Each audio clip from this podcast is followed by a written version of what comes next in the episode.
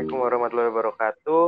Balik lagi di acara HMTI tercinta di acara ngulik ngulas info sambil ngobrol cantik bersama abang kita Bang Dino Ardiansyah selaku mantan Presiden Mahasiswa Trisakti periode 2019-2020. Mantap, siap. Halo, halo, halo.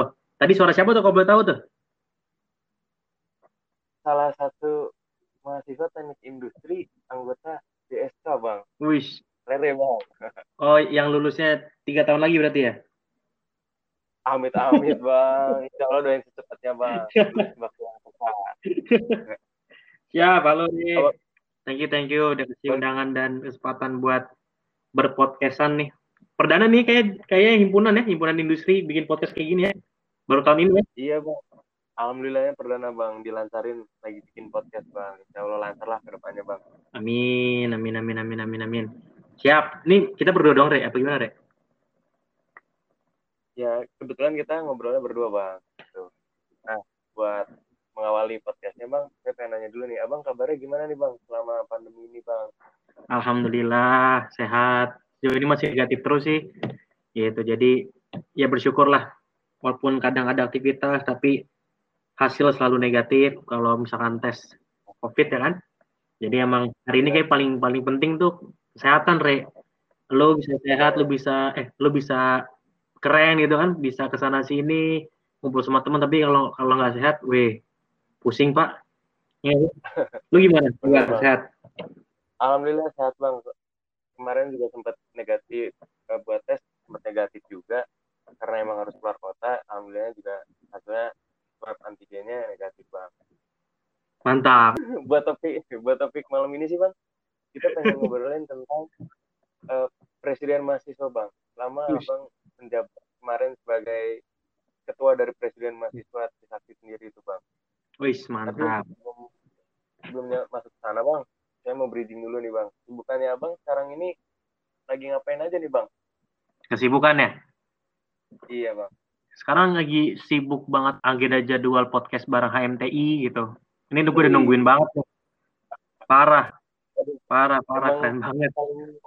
Sampai ditunggu-tunggu gitu ya bang ya. Emang iyalah. Di sini tuh menarik-menarik bang Betul. Iya, jadi kalau sibukan sekarang sebenarnya lagi ini sih, lagi bikin salah satu beberapa platform alternatif ya. Uh, ada yang bahas tentang isu generasi Z, ada juga bahas produktivitas pemuda desa gitu. Ada Centennial sama dari kampung, terus lagi bikin juga uh, beberapa usaha ya pengusaha pemula lah. Ada di di bagian kaos gitu kan, vendor-vendor kaos sama roti kukus nih kan biasa di bursa tuh tapi karena yeah. kuliahnya online terus kan susah pak ini kasihan ini perekonomian akhirnya mau nyoba di dekat rumah sama lagi ngeplay ngeplay kerjaan aja sih. Sama kemarin Ika Usakti pengen buat pengen bangun platform uh, assessment. Jadi nanti untuk fresh graduate ya kan yang mau nyari kerjaan bisa di situ juga. Atau kita punya alumni yang mau mengupgrade dirinya gitu kan buat buat syarat naik pangkat bisa ada assessmentnya dari assessmentnya dari situ.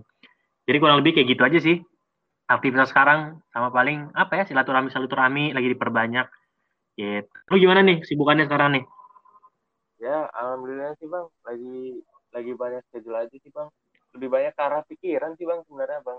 Mau mulai nyusun di dari terakhir bang. Gitu. Juga for, for apa informasi for information buat teman-teman yang ngedengerin nih. Bang Dino ini punya roti kukus yang pada saat offline dulu itu jualan di depan bursa HMT itu paling enak jagat raya. Iya kan pakai pakai tuyul kita soal itu Amit bang. Pakai tuyul mah. Enggak enggak enggak. Iya keadaan sih keadaan itu reh. Mau nggak mau kan kita jadi presiden mahasiswa kan sadar diri background uh, dari keluarga biasa aja tapi kita punya semangat kan akhirnya buat buat nambah-nambah uang jajan kalau ada teman-teman dari daerah datang ke sini atau mau aksi kan kita nggak bisa juga kan minta uang jajan ke orang tua terus. Kita dagang roti mau nggak mau re seperti itu keadaan sih. Cuman untungnya aja tuh banyak yang suka kan dan tempatnya pas gitu di situ strategis bang itu di depan berusaha MTI gitu bang mm -hmm. oh. Nih bang, ada pertanyaan bang. Gimana gimana Rik? Belum abang, belum abang jadi presiden mahasiswa nih bang. Ada nggak sih bang organisasi di luar kampus atau di dalam kampus yang abang ikuti? Kalau boleh di kalau ada pun di, boleh di share bang pengalamannya. Gitu. Kalau nggak boleh gimana?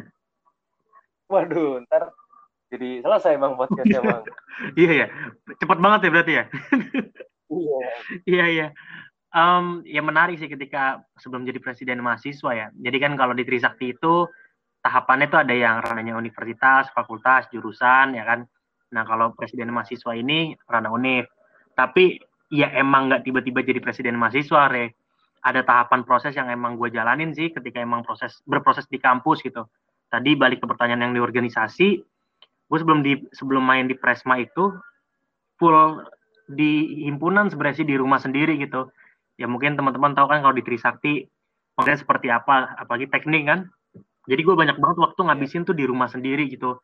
Baik ngurus angkatan bikin event di angkatan bahkan di himpunan juga. Sempat pengen kepikiran tuh. Jadi ada juga kan organisasi organisasi ekstra kalau misalkan teman-teman tahu ya kan penasaran juga kan kayaknya seru nih nambah pengalaman nyari tantangan baru tapi ternyata karena emang waktu kita habis di tongkrongan ya kan waktu kita habis sama angkatan akhirnya nggak bisa. Jadi kalau ditanya apa aja sebelum sebelum main di presiden mahasiswa ya full di himpunan aja sih. Itu sih re palingan. Nah, nah kalau bahas buat itu bang buat adik-adiknya yang apa pengen masuk itu kira-kira susah nggak sih bang buat adik-adiknya gitu yang buat penerus-penerus industri trisakti itu atau jurusan lainnya yang ingin masuk ke Presma bang? Ya, bisa banget, bisa banget. Jadi Presma itu sebenarnya sama aja sih kayak kayak organisasi apa pun ya di ranah univ atau di jurusan atau di fakultas. Ini sama-sama jadi sebuah kanal atau wadah uh, buat kita berproses ya jadi inkubator berproses lah.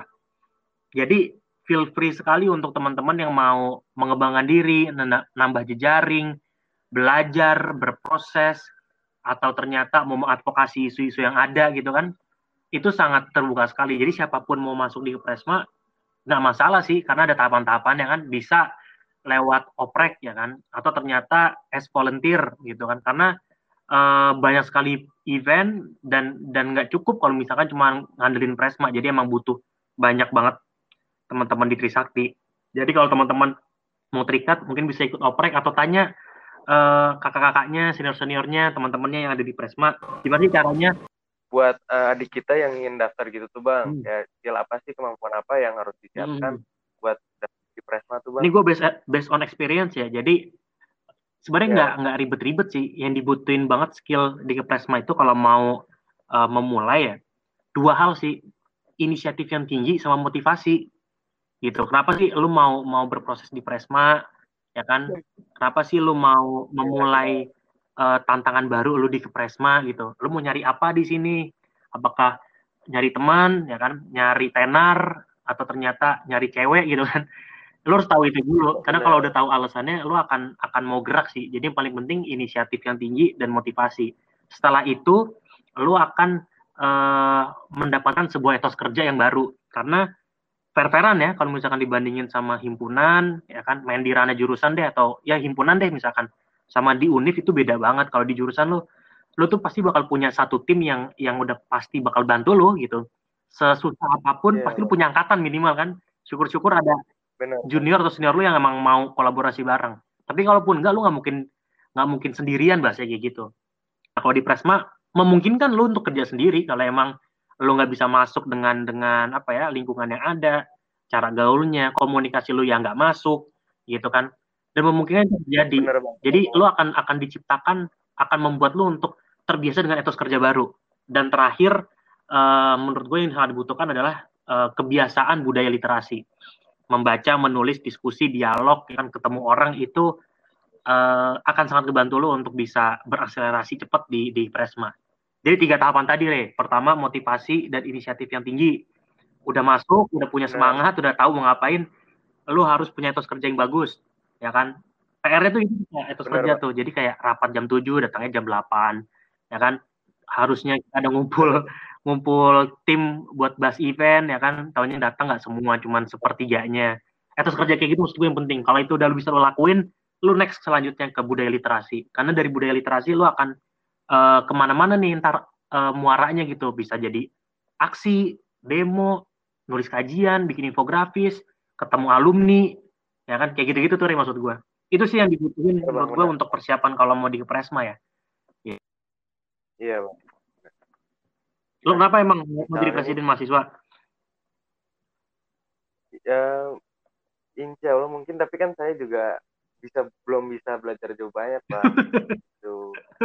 jadi majunya jadi ya. Presma lo lo nih re nya kalau sayanya mungkin agak belum mampu sih bang sebenarnya bang belum bisa semampu abang gitu loh bang buat jadi naik Presma gitu bang. Ampun, nah tapi ini nih maksud gue uh, perspektif yang perlu diubah sih maksudnya nggak bisa kayak abang. Mungkin lu ngelihatnya ya gue yang yang sekarang, tapi kan gue yang sekarang ini kan sebenarnya adalah uh, apa yang gue investasikan mungkin 3 sampai lima tahun sebelum ini gitu. Jadi intinya yang pengen gue sampaikan jangan langsung kayak ke hasil akhir atau pencapaian tapi prosesnya re. Kalau lu mau gue yakin bisa. Tapi masalahnya angkatan lu mau dong nggak? ya itu bang, makanya itu bang. Kan balik lagi ke angkatan saya yang ngobrol. Siap-siap. Kayak gitu Re, jadi Re, kurang lebih yang harus disiapkan. Tapi menarik sih, karena banyak tantangan baru, budaya baru, pembelajaran baru yang mungkin cukup berbeda sama uh, apa yang kita dapat di jurusan, yaitu. Nah, Bang, berhubungan sama itu, saya pengen nanya nih, Bang. Uh, kenapa Abang memutuskan untuk menjadi presma di Trisakti, Bang? Ngeri nih. Dibacain semua nih kayaknya nih, apa yang gue lakuin di kampus nih. Jadi sebenarnya nih gue mau sharing juga nih, Re. Uh, mungkin ke teman-teman ya, juga ya. Ternyata kadang ya um, apa kuasa yang kita milikin itu, ya kan, apa yang kita mau itu ya. bisa berubah loh. Kalau ternyata itu adalah kuasa atau kemauan uh, kelompok gitu. Artinya gue pengen sampaikan sebenarnya gue awalnya nggak pernah kepikiran untuk jadi presiden mahasiswa, Re. Jujur. Yeah. Cuman uh, mungkin gue ngikutin prosesnya sih. Ya lu tau lah Trisakti gimana prosesnya kaderisasi. Gue ngikutin itu dari dari awal sampai akhir. Dan ternyata itu kayak kayak ngalir dengan sendirinya aja. Kepercayaan itu muncul, aktualisasi itu hadir, dan pada akhirnya ini jadi mimpi angkatan pak. Ini gue cerita nih real story nih, true story, true story nih. Ya.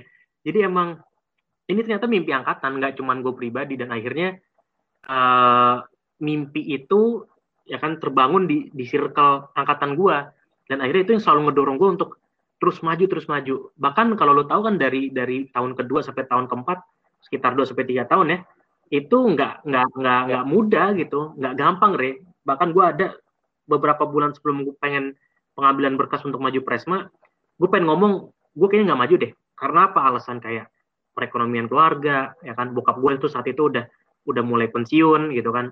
Terus buat tahu akan akan banyak ngeluarin uh, apa ya? Ngeluarin beban yang lebih lagi kayak masalah uh, apa?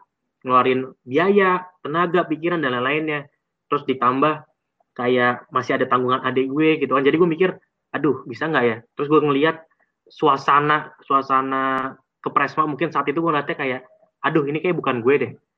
Bahkan sampai gue mikir kalau gue pun uh, diamanahkan menang ya pasti angkatan gue akan lulus banyak yang lulus dan gue nggak tahu ntar akan survive sama siapa. Dan akhirnya yang dan dan akhirnya yang tetap menyemangati gue dan dan terus ngedorong mimpi ini adalah tadi circle dan angkatan gue. Jadi balik balik ke pertanyaannya kenapa mau kayak ngalir dengan begitu aja? Dan gue percaya sih ternyata ini emang garis tangan.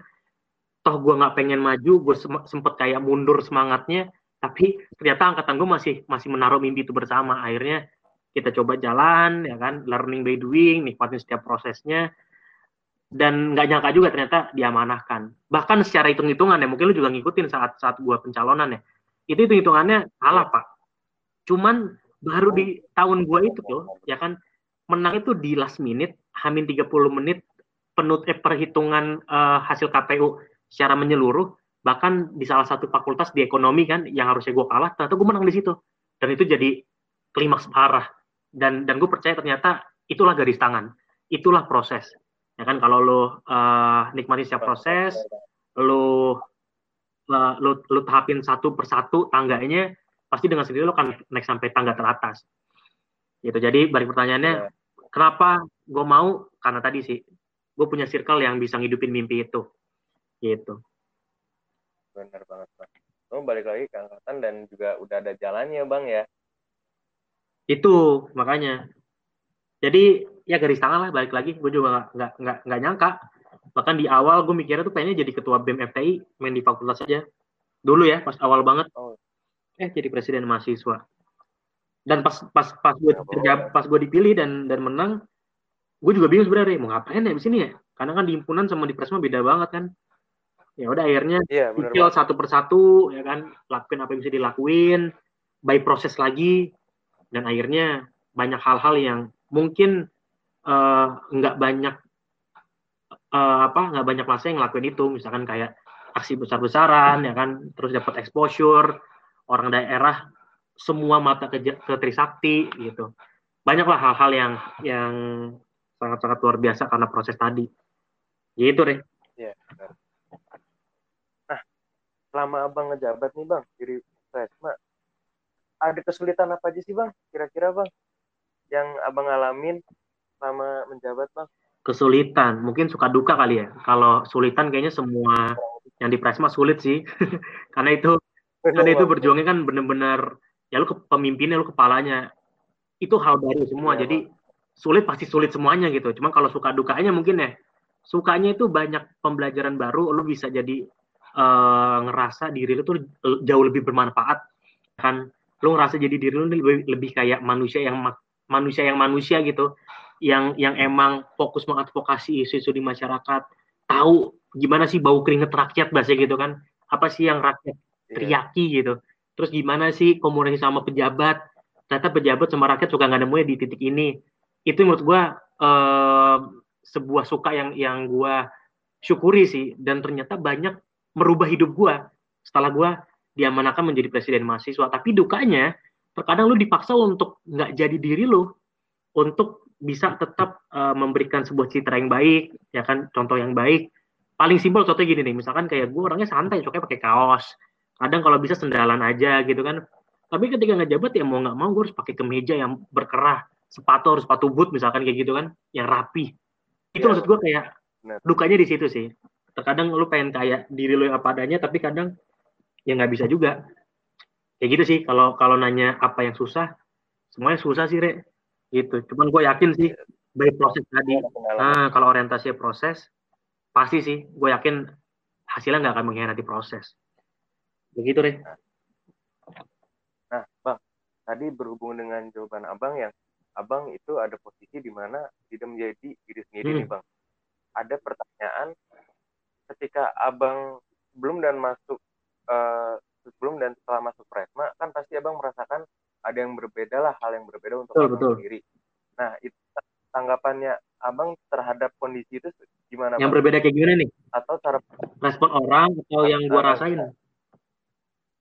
yang abang rasakan kayak misalnya dari sebelum abang masuk eh sebelum abang menjadi presma abang orangnya uh, yang hmm. santai banget nih seperti tadi kata abang. Terus yang ketika abang menjadi presma karena abang harus bertemu dengan banyak orang dengan janji dengan banyak orang abang harus yang lebih hmm. uh, jadwal lah atau yang lebih sesuai tepat waktu iya iya iya iya iya. adaptasinya abang itu seperti apa sih bang? Buat menghadapi hal yang perbedaan itu bang? Iya iya. Sebenarnya kalau ini jawabannya ya tadi sih uh, learning by doing ya. Jadi jam terbang tuh ngaruh gitu. Jadi kayak lu berproses di himpunan, lu banyak megang event, lu banyak ketemu orang, ya kan. Dan pada akhirnya lu dap, diberikan amanah apa, itu learning by doing semua. Jadi kalau nanya cara gimana biar bisa adaptif, terima itu susah sih gue ceritain ya. Cuman gue belajar itu dari dari proses yeah. tadi gitu. Cuman yang pengen gue sampein, uh, tadi pertanyaan lu apa? Selain, oh ini ya, kayak yang gue rasain tuh kayak gimana ya? Ya mau nggak mau sih kayak gitu. Ya, karena suka nggak suka ya jabatan di kampus itu seperti jabatan politik juga apa pun itu ya mau di himpunan di bem di universitas. Jadi lu meyakinkan orang lu kasih visi misi ada harapan di situ ada gagasan di situ. Orang tuh ngedukung lu. Jadi secara secara nggak langsung suka nggak suka itu jabatan politik. Mungkin rananya rananya di di universitas.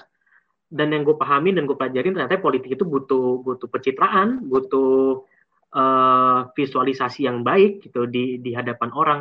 Dan ini resikonya makanya tadi gue bilang ya mau nggak mau itu harus rapi harus uh, tetap bijaksana gitu kan harus tetap kelihatan fit tampil fit rapi semuanya. Dan mungkin itu nggak sesuai sama gue gitu. Jadi kalau menurut gue itu emang mau nggak mau sih karena apa pun itu itu jabatan politik gitu kan. Cuman Benar. cuman yang tadi gue bilang uh, ya udah buat bisa adaptif ya learning by doing tadi sih sekali lagi. Gimana lu belajar ya kan jangan pernah takut untuk nanya jangan pernah gengsi buat nanya gitu kan. Kita dikasih dua kuping dan satu mulut gitu kan artinya harus perbanyak nanya perbanyak denger sorry dibandingin ngomong gitu. Jadi kalau ternyata lu nggak bisa adaptif lu ngerasa berat jangan lu pendam sendiri. Makanya tadi gue bilang penting banget tuh kita punya circle yang emang suportif gitu re setidaknya kalau lagi ngedown lagi yeah. turun semangat ada circle ini yang nyemangatin. Ketika gue salah, ada si circle ini yang ngingetin. Ketika gue terlalu menggebu-gebu, ada circle ini yang coba ngasih border-border tadi. Begitu, Re. Nah, nih Bang, selanjutnya. Ada yang nanya, uh, siapa bang, tuh? Dari dari salah satu mahasiswa, Bang. Bah. Jonathan Immanuel juga sempat nanyain, Bang, ke saya. Coba dong, tolong tanyain Re ke Bang Dino hmm. selama abang menjabat hmm. nih Bang di Presma kegiatan apa sih Bang yang paling berkesan buat abang soalnya kalau kata hmm. yang teman-teman kata saya gitu Bang ada yang berkesan pada yang pas uh, tragedi RU KUHP hmm. Bang yang yeah, pas yeah, yeah. tahun 2019 Yeah. Kalau menurut abang sendiri yang paling berkesan itu apa bang? Pas selama gue menjabat jadi presiden mahasiswa ya, bukan bukan presma yang keseluruhan, ya, keseluruhan ya. Iya bang. Iya pasti sih. Itu one and only sih maksud gue momen itu sangat luar biasa merubah banyak hal sih. Baik diri gue baik itu di Kepresma baik itu Trisakti maupun pergerakan ya ya September 2019 yeah, tuh yeah. mungkin jadi September yang sangat-sangat gelap gitu September yang sangat-sangat pencekam. Tapi setelah melewati September itu ternyata banyak loh uh, value yang bisa gue dapat ya kan? Sebuah pesan yang bisa gue dapat dan itu ngasih begitu kesan yang luar biasa. Baik kesan positif maupun kesan yang mencekam ya misalnya gue cerita nih. Positifnya adalah yeah. Iya, uh, suka nggak suka ya? Mungkin gerakan di Trisakti ya gitu-gitu aja. Pas dari zaman gue masuk ya paling aksi 12 Mei. Terus apalagi ya kelembagaan. Itu juga kelembagaan pas zamannya Preskader baru mulai panas lagi kan 2016 sisanya tuh ya udah seperti itu. Lebih ke event ya kan. Jadinya kayak Presma kayak BEM BEM ke 10 gitu apa beda sama himpunan? Kalaupun ada gerakan-gerakan ya gerakan-gerakan yang nggak yang nggak mengakar gerakan-gerakan yang nggak cukup masif dan gue anggap kayak ya udah terus mau ngapain? Apa bedanya kita sama bem? Itu tuh maksud gue gue ngerasa ada rasa itu. Mungkin lu juga ngerasain ketika maba masih ngerasain ke aksi kayak gimana sih palingan kayak begitu gitu aja kan?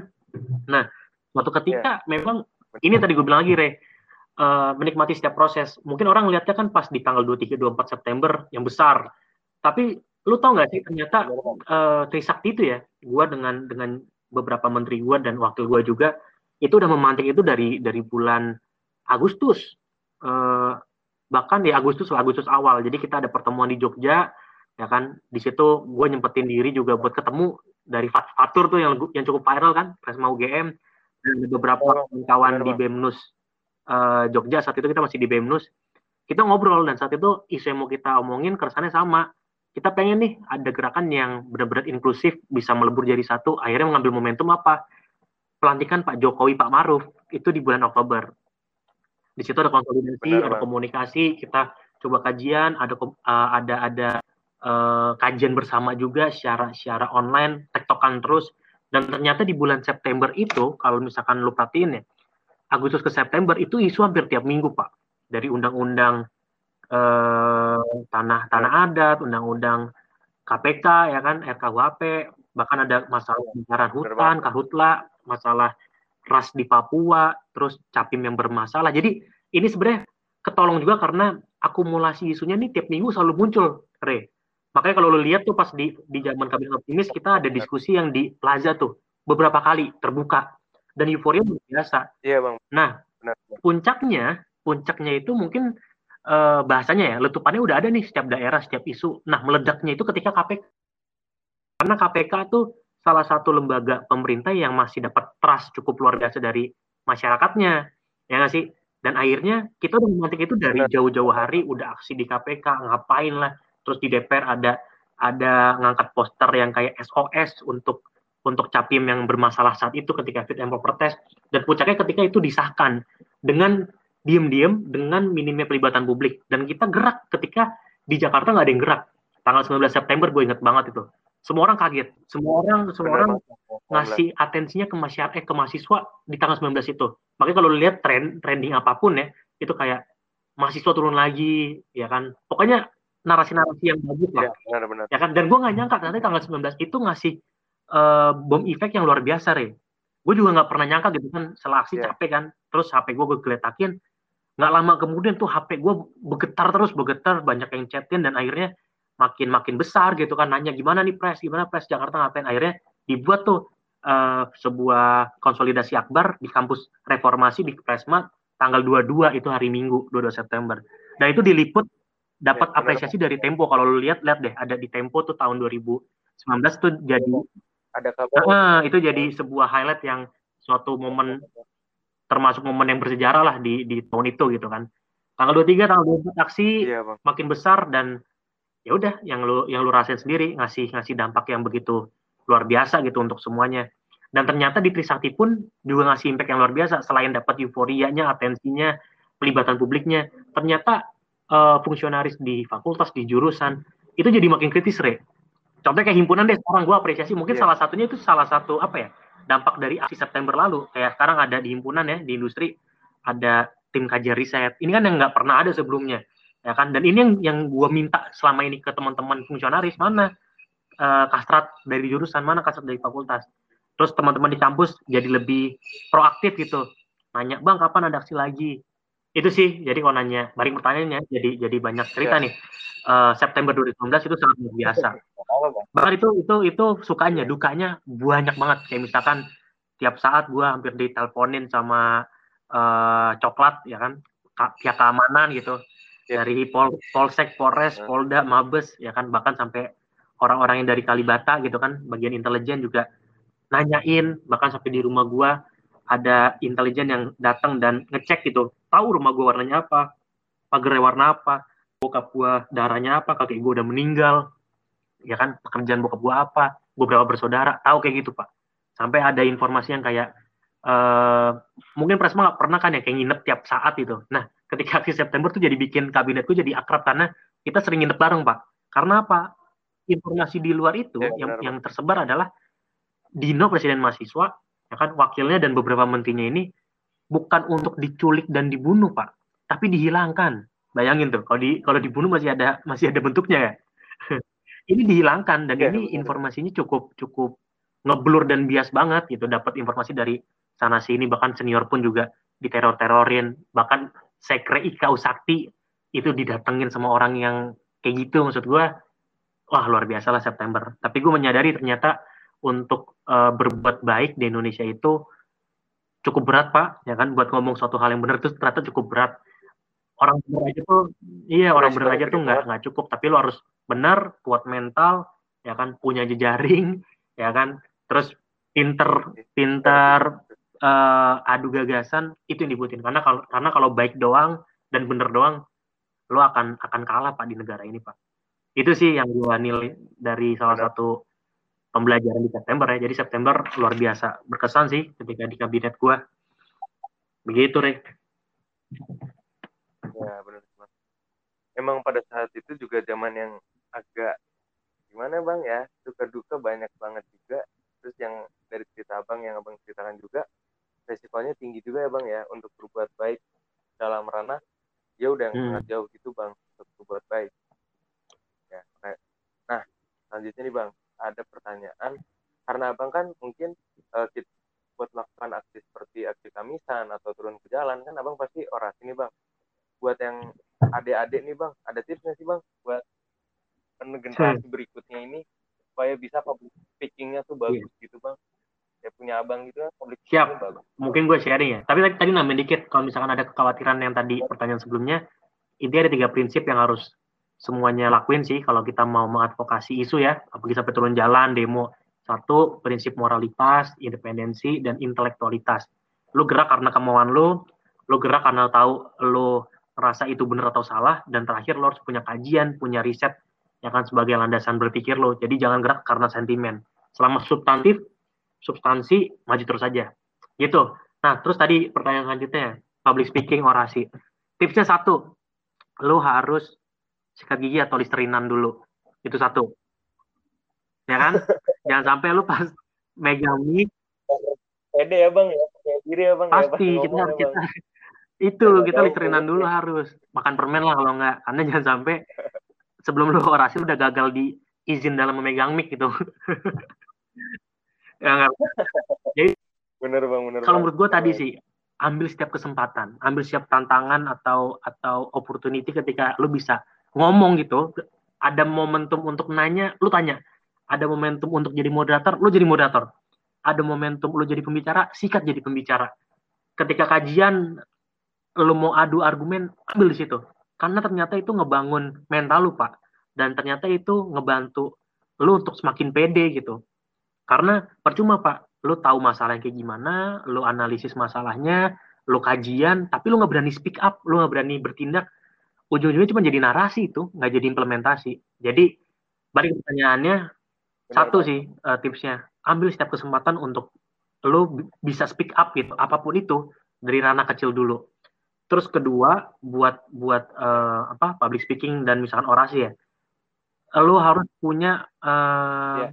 apa ya bekal utamanya sih tadi kayak misalkan lo lo harus terbiasa dengan dengan budaya literasi gitu jadi harus punya pemahaman yang cukup lo harus uh, tahu masalahnya apa udah analisis permasalahan seperti apa jadi ketika lo ntar ngomong berani aja nggak cukup, tapi emang harus ada isinya dikit aja gitu. Minimal lu tahu gitu kan aksi KPK. Nah ini masalahnya apa? Kenapa lu bersuara di situ?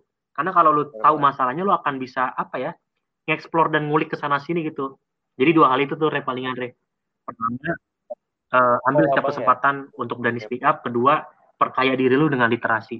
Selebihnya, udah deh, tinggal ngalir aja. Gitu.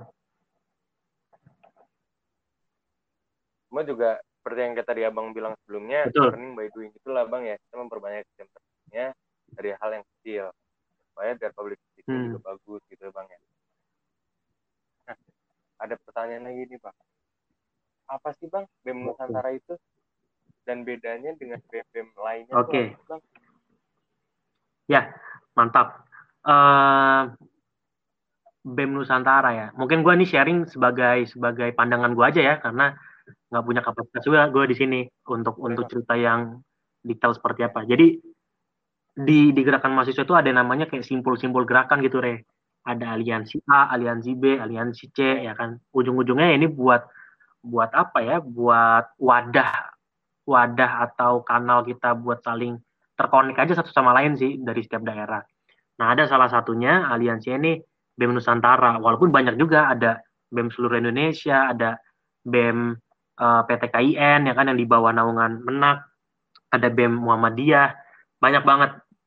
Jadi BEM Nusantara itu wadah sih sebenarnya wadah dari setiap uh, BEM-BEM di Indonesia lintas pulau, lintas daerah untuk saling terkonek, ya kan? Dan di situ sebenarnya teman-teman BEM Nusantara tujuannya sih untuk saling apa ya, menasionalkan isu lokal dan melokalkan isu nasional.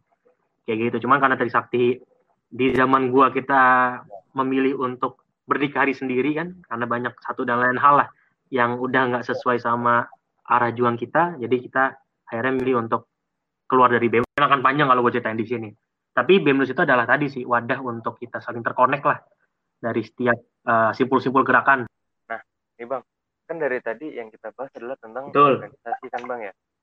Untuk yang paling basicnya deh bang kan biasanya ada orang-orang yang pengen ikut organisasi takut untuk ikutan takutnya aduh kalau ikut organisasi ini takutnya ntar dinilai yang negatif sama orang lain.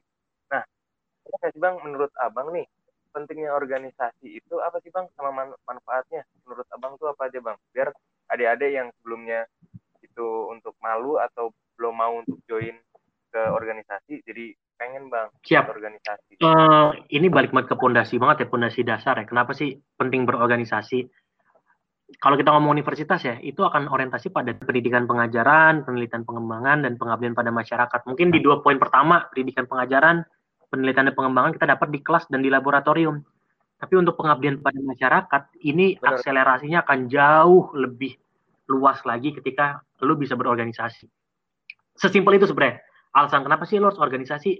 Ya udah selain organisasi apa yang kira-kira lu bisa mengabdi untuk masyarakat sesuai tridharma perguruan tinggi tapi beda cerita ya kalau misalkan lu emang kuliah pengen kayak robot aja gitu kan kuliah pulang IPK bagus lulus ya udah tapi kalau lu mau jadi ma mahasiswa yang yang memang memanusiakan diri lu gitu kan tahu keadaan seperti apa harus sih mengabdi pada masyarakat dan salah satunya organisasi sesimpel itu. Terus kalau misalkan bahas kenapa sih harus berorganisasi? Gue selalu berorientasi pada data World Economic Forum. Jadi di tahun 2020 itu ya ya kan ada top 10 skills yang dibutuhkan untuk uh, human resource gitu, termasuk anak muda. Kalau lihat 1 sampai 10 itu adalah rata-rata hal-hal soft skill yang emang kita akan sering beririsan gitu di organisasi, misalkan kayak negotiation, ya kan, management people, ya kan, creativity, sampai kayak problem solving. Itu adalah hal-hal yang emang kita terbiasa di organisasi, Re. Ya nggak sih? Lo ada masalah, pasti lo akan mikir. Lo, lo mau buat event, pasti lo akan Benar bikin tim dan lo akan memanage itu ya kan lo harus berpikir kreatif supaya yeah. lo bisa adaptif nih sekarang nih gue yakin kalau lo nggak nggak berproses di himpunan gitu kan lo belum tentu mau nih bikin konten-konten podcast kayak gini kan artinya itu bisa terbentuk itu bisa memberikan feedback kepada kita karena ada sebuah wadah tadi dan itu organisasi jadi balik ke pertanyaannya kenapa sih penting banget satu pengimplementasian dari nilai tridharma perguruan tinggi karena kita semua adalah mahasiswa, maha itu tertinggi, siswa itu terpelajar, eh siswa itu pelajar, jadi mahasiswa adalah terpelajar. Kalau lu nggak nerapin tridharma perguruan tinggi, ya lu sama aja kayak robot gitu. Terus si feedback ke lu, Pak. Tadi top 10 skills tadi yang gue bilang dari data World Economic Forum. Dan gue inget dari perkataannya uh, Stephen King, dia ngomong, there is no gain without risk, perhaps no risk without love. Artinya ketika lo mau mendapatkan sesuatu, pasti ada sebuah resiko yang lu dapat lu peroleh. Minimal ya kan lu ngeluangin waktu tidur lu bucin lu nongkrong lu tapi percayalah pasti akan ada feedback yang lu dapat selain tadi upgrade diri lu upskill diri lu mungkin nambah jejaring diri lu nambah pengalaman lu ya kan? Mungkin dapat eksistensi gitu kan pengakuan atau hal-hal lainnya. Ya. itu jadi re. Penting banget sih menurut gua buat berorganisasi. Ini bang kan sekarang kita juga lagi terkena yang namanya musibah pandemi COVID-19 ini Pak. Berhubungan sama organisasi, pandangan Abang tentang berorganisasi tapi dibatasi oleh COVID ini saat seperti saat ini itu ada saran nggak Bang? Atau tip-tip buat teman-teman atau siapa pun maupun adik-adik yang sedang menjalankan organisasi gitu Bang. Atau mau menjalankan proker ya. ada tipsnya nggak Bang? Sebenarnya jujur nih, ini banyak juga yang sering nanya ke gue sih misalkan ada diskusi, seminar atau apa pun itu ya. Jujur ya gue sebenarnya nggak punya kapasitas untuk jawab karena gue nggak ngejalanin itu. Tapi kalau gue berbagi perspektif uh, pertama akan ada pro kontra dan akan ada positif negatifnya. Positifnya apa? Uh, di tengah pandemi ini lo akan lebih fleksibel waktunya. Contoh kayak sekarang nih gue yakin lo lagi bikin konten uh, apa organisasi lo tapi lo tetap masih bisa sambil makan sambil main hp mungkin gitu ya. Atau terkadang lo bisa ngerjain tugas tapi yeah. sambil lo uh, part time apa gitu misalkan. Itu kelebihan kelebihan di tengah pandemi jadi fleksibilitasnya lebih tinggi. Tapi minusnya adalah karena nggak pernah ada contohnya jadi bingung dan ini trial and error. Bisa jadi berhasil bisa jadi error gitu kan. Apalagi kalau misalnya ada masalah ya nggak bisa yeah, cepat kita langsung ketemu bahas cari solusi apalagi sekarang kan pakai aplikasi agak lebih terbatas cuman gue pengen pengen coba nyaranin uh, buat buat teman-teman yang ber, ber, membuat organisasi atau menjalankan organisasi tengah pandemi, cara yang paling ampuh adalah ya adaptif gitu. Artinya semua hal yang lo lakuin emang harus tahu medannya seperti apa gitu. Karena ada juga nih ada gium dari Sun Tzu dia ngomong kenali dirimu, kenali lawanmu, pahami medanmu, maka seribu perperangan akan kau menangkan. Kalau lo tahu nih kelebihan lo apa sih sama organisasi lo, lawan lo apa sih? Misalkan aturan, ya kan? Misalkan sourcing gitu. Medannya kayak gimana? Sekarang misalkan ya harus digital, ya kan digital native gitu harus online ketika lu bisa kuasain ini semua pasti gue yakin apa pun yang lu buat akan berhasil contoh kayak sekarang lu adaptif dengan buat uh, apa budaya literasi dengan cara baru bikin podcast ini salah satunya atau misalkan uh, ngasih inputan yang biasa di tongkrongan sekarang mungkin dengan kelas-kelas atau webinar misalkan. Hal-hal kayak gitu sih Rey gue juga jujur sebenarnya nggak punya jawaban pasti cuman kalau tanya ke gue satu sih kuncinya adaptif tadi sih. Jadi lu nggak boleh maksain diri lu untuk tetap pakai cara-cara konvensional tapi mulai ber, berkreativitas dengan dengan platform yang ada dan memberikan output yang sesuai sama apa yang organisasi lu pengen lakuin. Tapi kita tarik lebih lebih lebih dari awal lagi ya lebih jauh lagi sebenarnya satu sih jawabannya kenapa sih lu memulai organisasi ini? Kenapa lu mau join di sini? Start with why? Alasannya apa? Ketika lu tahu misalkan ya gue di sini pengen mengabdi untuk MMTI jadi apa pun rintangannya gue yakin lo akan mikir akan cari solusi.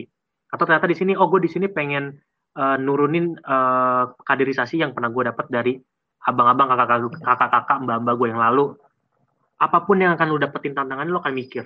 Jadi lebih dasar lagi tadi sih start with why-nya itu. Lu kenapa mau mulai di sini? Gitu. Jadi mungkin nggak nggak terlalu ngejawab nih Ray, cuman itu pandangan gue kayak gitu sih. Adaptif, tahu kenapa mau mulai, dan ketiga apa ya? Udah sih tadi dua, dua tadi deh. Adaptif dan tahu kenapa lo mau mulai. Jadi lo akan cari improvement, cari improvement sebanyak-banyaknya sampai tercapai tujuan lo kenapa mulai ini. Gitu.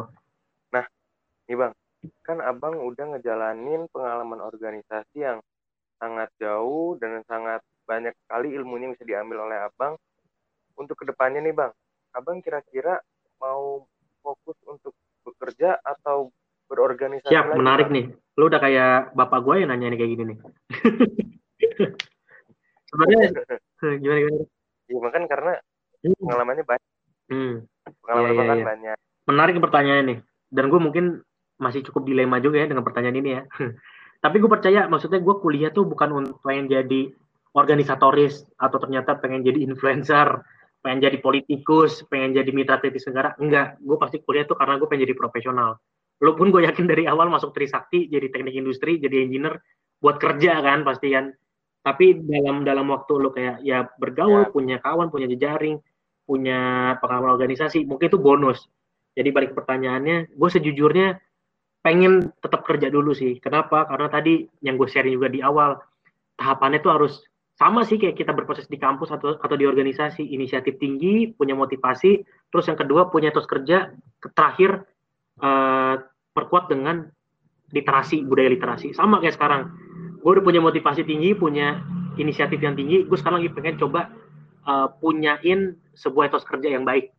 Dan gue kerja gitu, karena gue harus tahu gimana sih caranya uh, hidup secara profesional, gimana sih caranya manajemen tim dan manajemen personal gue di dunia kerja, gue harus tahu gimana sih caranya etika kerja yang baik. Itu gue harus pelajarin dulu. Terlepas nanti misalkan setelah 2 tahun sampai lima tahun gue jadi profesional misalkan ya, toh gue loncat menjadi influencer atau bangun platform apa atau ternyata menjadi uh, politikus atau ternyata jadi hal lain gitu, itu bonus gitu dan gue nggak mau mulai dari nol karena gue punya bekal-bekal tadi. Tapi yeah. yang terpenting yang baik yang yang settle. Jadi kalau nanya gue mau jadi apa? Sejujurnya uh, gairah dan kemauan lalu menjadi key, key opinion leaders ya baik itu influencer baik itu uh, pejabat publik politikus atau uh, advokat atau apa pun itu pasti ada. Apalagi kayak gue yang yang mantan aktivis mahasiswa pasti ada. Karena gue beririsan dengan itu re. Tapi gue sadar ada namanya proses tadi. Dan belum belum waktunya kayak gue langsung nyemplung ke situ. Karena gue sadar diri gue cuma anak anak karyawan swasta biasa yang keluarga gue mungkin secara background pendidikan juga nggak nyampe sarjana. Ya kan gue bukan anak jenderal bukan anak darah biru. Bahkan gue pun untuk hidup tadi gue ceritakan sampai harus dagang roti kukus dagang kerang ini kan hal yang gue lakuin. Artinya ya keadaannya seperti ini. Kecuali kalau gue anaknya Pak Jokowi gitu kan. Gue anaknya Pak Jenderal Sigit gitu kan. Mungkin beda cerita tapi karena gue sadar diri gue ingin memulai dengan jadi profesional dan perbaiki etos kerja. After itu gue punya jaring jaringan after itu gue punya kompetensi after itu gue punya kesempatan mungkin nggak ada tuh kemungkinan karena pasti sih punya gairah kayak gitu.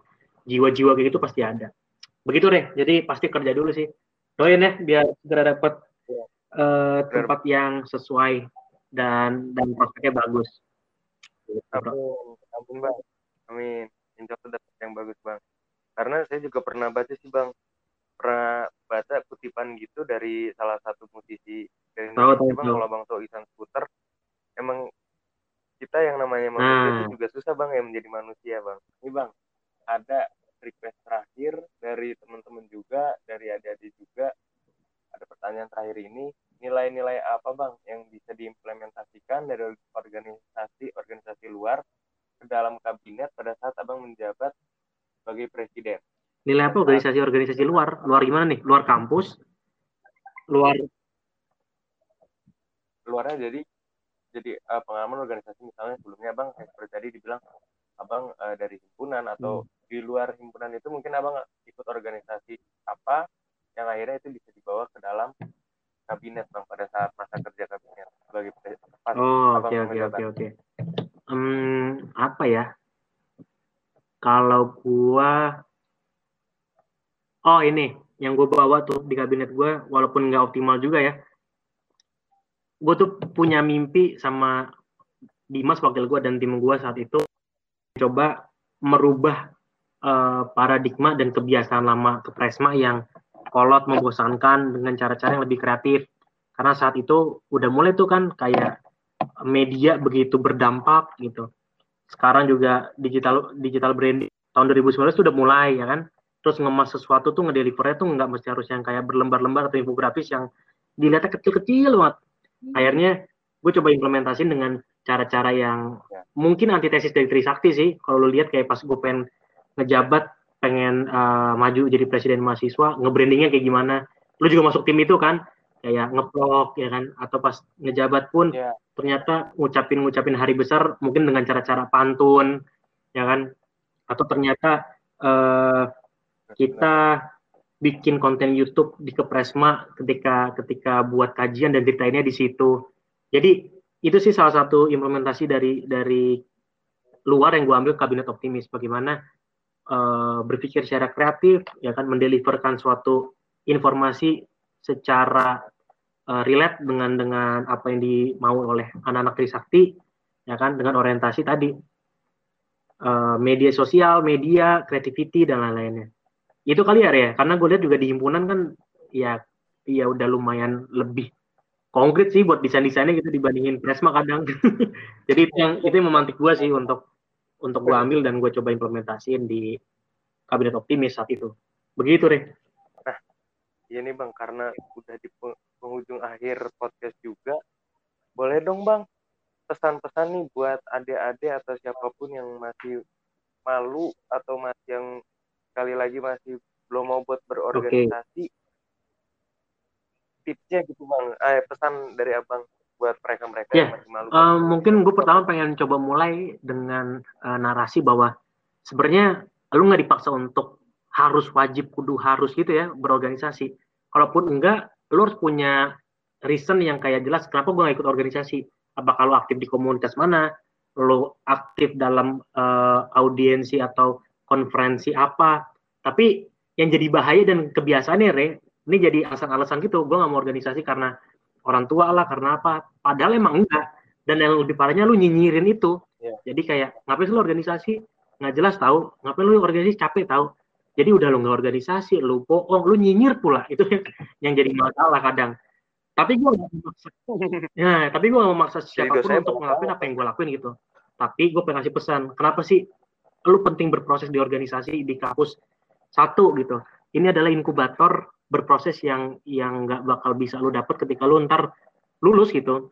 Lu ketika lulus ya lu jadi profesional yang sesungguhnya. Lu mau usaha ya kan? Kalau lu bangkrut ya bangkrut gitu. Lu mau kenalan sama orang mungkin orang lain udah sibuk dengan aktivitasnya. Ini nih inkubator yang sangat-sangat apa ya sangat-sangat cocok kalau lu mau ngeksplor diri lu kedua di organisasi lu akan dapat banyak feedback tadi. Selain jejaring ya kan?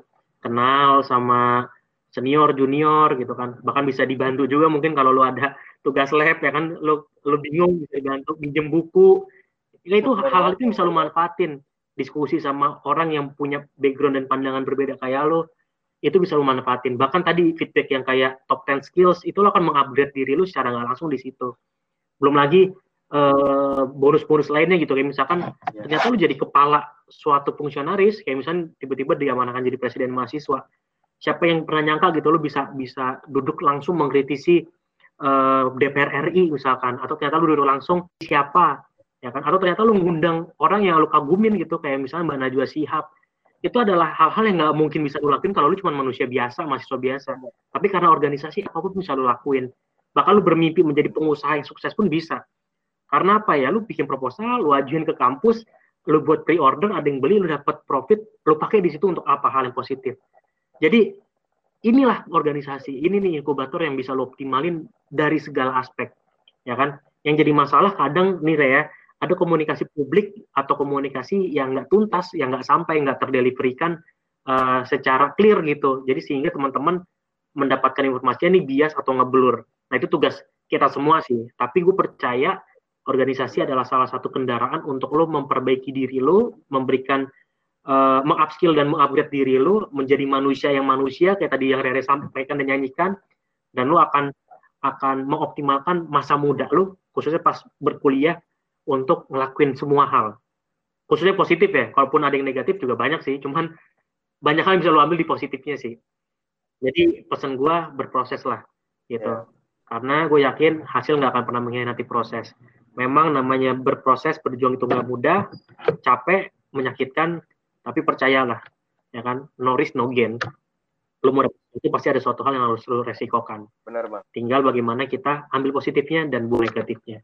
Penting lah, kayak sekarang nih, gue yakin lo ngundang gue bukan karena Dino Ardiansyah Teknik Industri 2015, tapi karena Dino Ardiansyah sebagai presiden mahasiswa apa.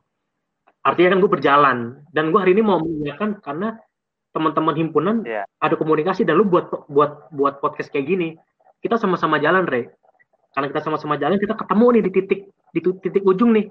Dan kita ketemu lagi. Dan nggak pernah tahu nanti ternyata lima tahun lagi kita sama-sama jalan gue sama Rere ketemu di mana lagi gue sama Bunga ketemu di mana lagi. Itu karena apa? Proses. Itu karena apa? Organisasi belajar di situ.